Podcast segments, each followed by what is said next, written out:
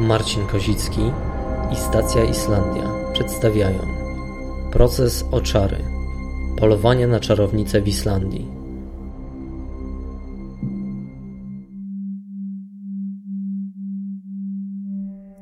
Próby walki z czarną magią i okultyzmem przyciągały się w Europie od XV wieku przez kolejne stulecia.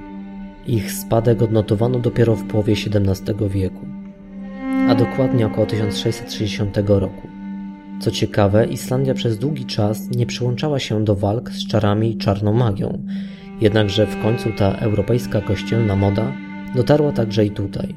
Chociaż doszło do tego bardzo późno, gdyż za początek islandzkich prześladowań, który zwykło się określać erą stosów, uważa się rok 1654. Być może z uwagi na duży dystans do Europy kontynentalnej lub specyfikę samej wyspy, Prześladowania czarownic nie przybrały tutaj aż takich rozmiarów, jak w pozostałej części świata. Dodatkowo sam proces oczary i polowania na czarownice był zgoła odmienny na północnych peryferiach Europy. Dla przykładu, w Islandii odbyło się około 170 procesów oczary, z czego uznano za winne i skazano zaledwie 21 osób. Ewenementem na skalę światową jest też to, iż wśród tych 21 osób była tylko jedna kobieta. Głównym powodem takiego stanu rzeczy była struktura społeczna wyspy, inna niż w Europie kontynentalnej. Na wyspie nie było przecież dużych skupisk ludzi. Stąd kobiety mieszkające samotnie były regułą, a nie wyjątkiem, jak w większości innych miejsc, gdzie samotniczy tryb życia kobiet był jednym z zasadniczych powodów podejrzeń o czary. Po drugie, w Europie kontynentalnej wyobrażenia na temat czarów i czarownic były bardzo barwne. Mówiono o sabatach, lataniu na miotle, spółkowaniu z diabłem. Natomiast w Islandii czary stanowiły bardziej element pogańskiej tradycji i codziennego życia. Miały związek z tamtejszym folklorem.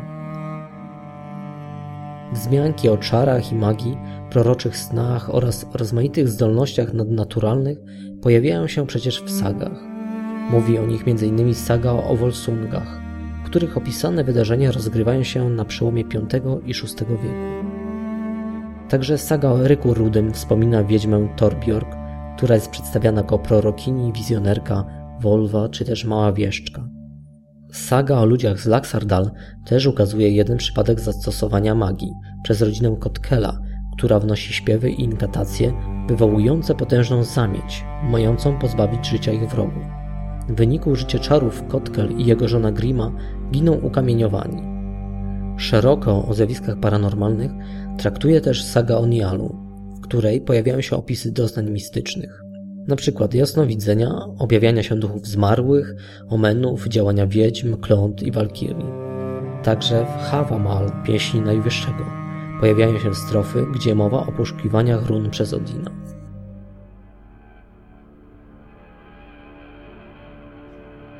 Trzeba pamiętać, że nawet w XV-wiecznej Islandii bardzo żywe były staropogańskie zwyczaje.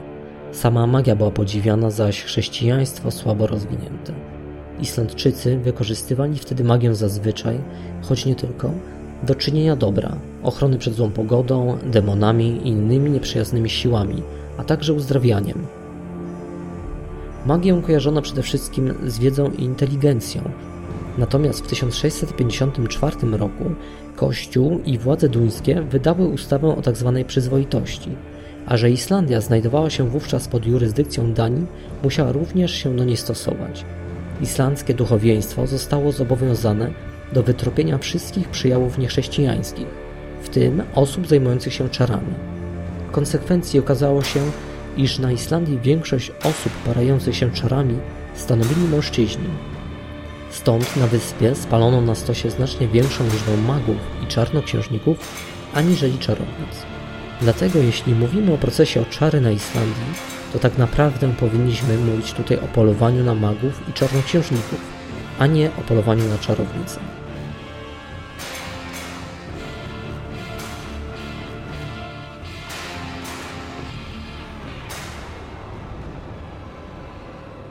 Pewną odmiennością na Islandii było też to, że nie stosowano tutaj tortur w czasie procesów oczary. Przyznanie się do winy było koronnym dowodem. Do oskarżenia wystarczyło wskazanie, tzw. Tak powołanie z łaciny nominatio, kolejnych podejrzanych przez osobę już skazaną. Za szczególnie ważne dowody uważano powołanie przez dzieci, które uważano za niewinnych, a więc nieskażonych świadków. Analizując dokumenty, można też zauważyć, że inne były w Islandii przesłanki do procesu oczary. Tutaj w zasadzie nie karano tyle za uprawianie czarnej magii, chociaż także, co bardziej za samo posiadanie magicznych symboli, przedmiotów i run, które w konsekwencji miałyby powodować szkody i choroby u ludzi lub zwierząt. Herezja i satanizm były tam niemal nieobecne.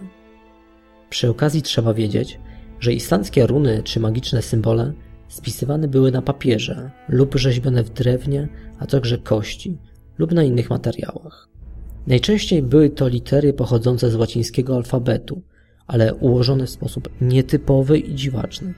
Bywało i tak, że runiczne litery czy znaki składały się z kilku połączonych ze sobą run. W porównaniu z praktyką w innych krajach, czary w Islandii opierały się na słowie, Niewątpliwie z powodu tego, że język był zawsze najważniejszym czynnikiem nadprzyrodzonym w życiu kulturalnym Islandii. Wierzono, że w samym języku istniała siła zdolna do zmieniania zdarzeń. Moc języka i słowa mogła być używana do czynienia tak dobra, jak i zła. Ta wiara jest wyraźna i przejawia się w wielu dokumentach dotyczących czarów w Islandii, w których pojawiają się odniesienia do języka pisanego.